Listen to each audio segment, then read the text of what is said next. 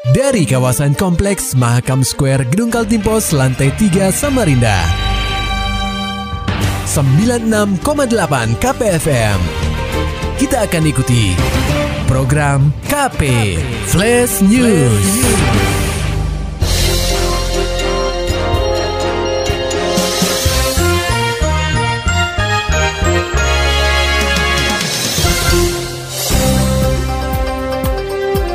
Anda sedang menyimak program KP Flash News bersama saya Agung Pratama. Berita Utama Pendengar KP, jajaran Polresta Samarinda berhasil menggagalkan peredaran narkotika jenis sabu-sabu dan ekstasi antar provinsi.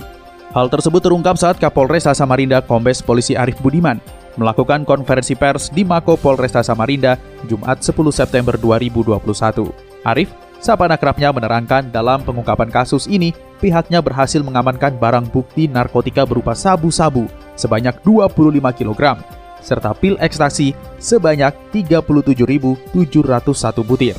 Selain itu, terdapat juga ekstasi yang sudah hancur dalam bentuk serbuk dengan berat mencapai 99,13 gram neto. Perwira Melati satu itu menyebut barang bukti narkotika tersebut diperoleh dari enam tersangka, di mana empat tersangka diamankan di Samarinda, sementara dua lainnya di Banjarmasin, Kalimantan Selatan, di mana mereka menyimpan narkotika dalam jumlah besar. Yang diamankan di Samarinda ada empat orang, kemudian dari Banjarmasin ada dua orang. Perannya masing-masing ya penjual, langsung menjual. Ini ditangkap di e, Banjarmasin, yang di Samarinda ya melalui jalur darat, ya di Samarindanya. Kalau yang ke sana kita jemput, kita kan penyamaran ke Banjarmasin. Barang disimpan di rumahnya, ya. Kemudian yang terakhir kita temukan di hotel di wilayah Banjarmasin. Kapolresta Samarinda, Kombes Polisi Arif Budiman melanjutkan berdasarkan proses penyidikan yang dilakukan jajarannya. Diketahui bahwa barang haram tersebut rencananya akan diedarkan di kota tepian. Namun, pengedar yang ada di Samarinda harus terlebih dahulu mengambil barang yang mereka pesan ke Banjarmasin. Uh, di antara enam ini tidak ada residivis ya, semua baru. Satu bulan ini, oh ada yang sempat terjual belum, belum masih didalami ya. Mereka berperan masing-masing, namun uh, terhubung dengan yang ada di Banjarmasin. Ya, masih kita dalami lagi, kita kembangkan. Mudah-mudahan tidak bocor. Dalam konferensi pers yang digelar Polresta Samarinda, tampak juga hadir Ditres Narkoba Polda Kaltim, Kombes Polisi Ricky Naldo. Ketika dimintai keterangan oleh awak media, Rikinaldo menegaskan pengungkapan kasus ini merupakan bukti upaya pihaknya dalam memberantas peredaran narkotika di Kaltim. Dengan tegas, dia menyatakan pihaknya tidak akan pandang bulu dalam memberantas narkoba. Di mana pun mereka bersembunyi, Polda Kaltim dan jajaran Polres di Benua Etam akan terus mengejar para pelaku peredaran narkotika. Pengungkapan dan penangkapan ini merupakan bukti nyata bahwa jajaran narkoba Polda Sulawesi eh, Polda Kalimantan Timur dan seluruh jajaran Polres berkomitmen penuh memberantas narkoba. Tidak kenal pandang bulu. Kita tetap memerangi narkoba.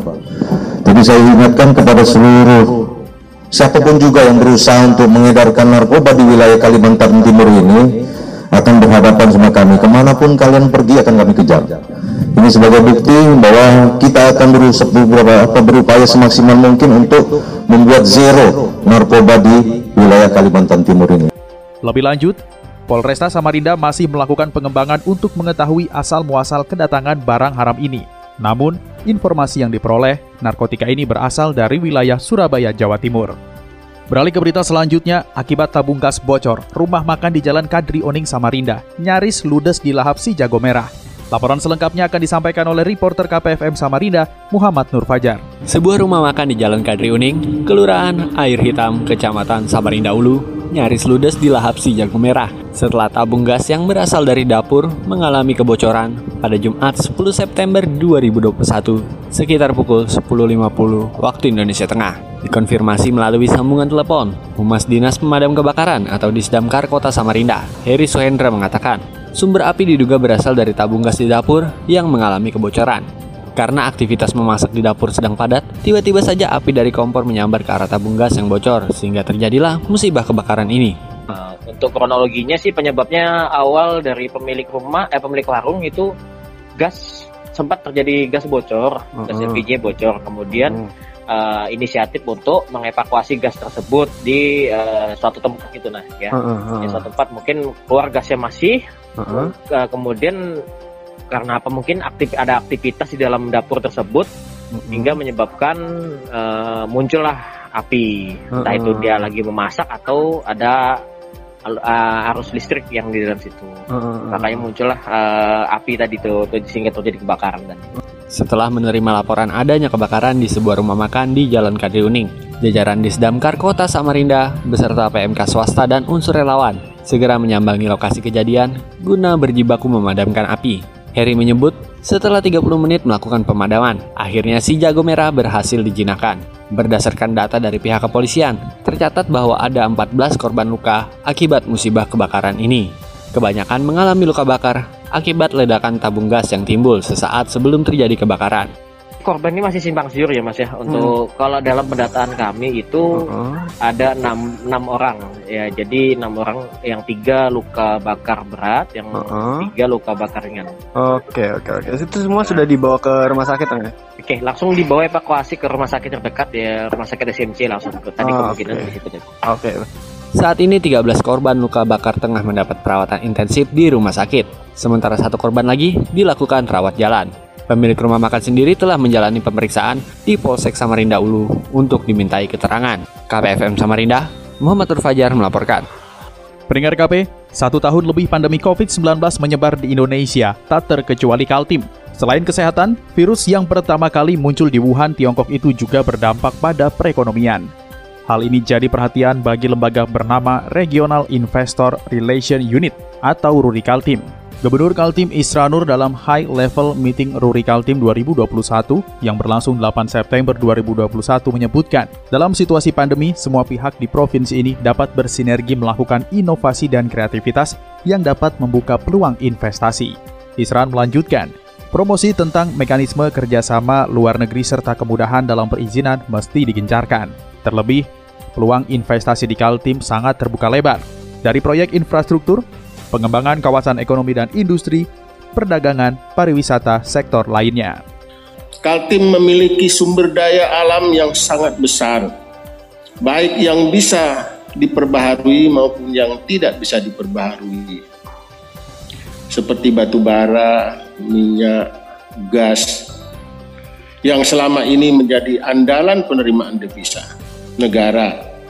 Namun begitu, ketika ke depan kita harus cari alternatif lain karena potensinya akan terus berkurang dan tidak mungkin bertambah.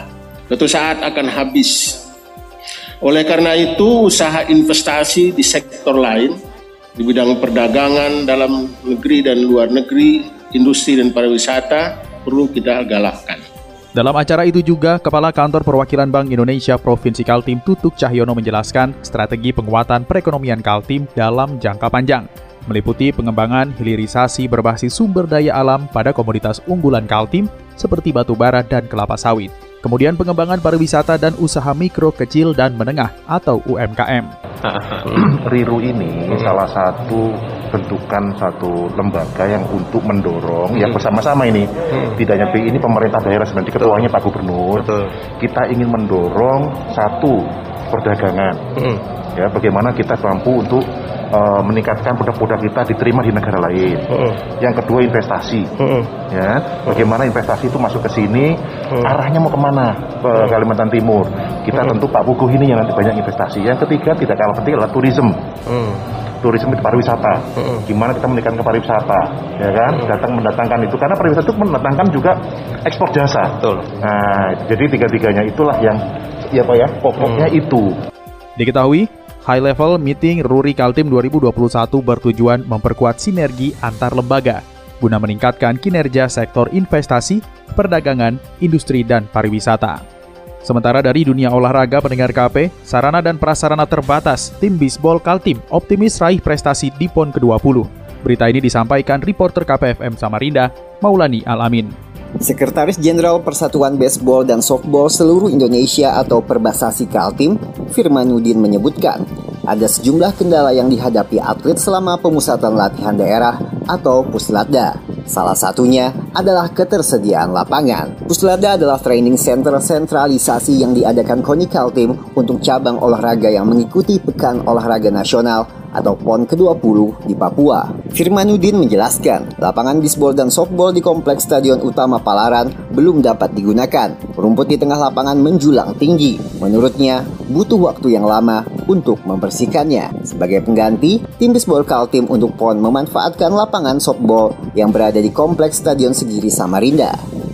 Uh, setelah kita kemarin mau melakukan perbaikan, ternyata perbaikan lapangan itu memakan waktu at least kita kemarin memutuskan untuk tetap memakai lapangan softball.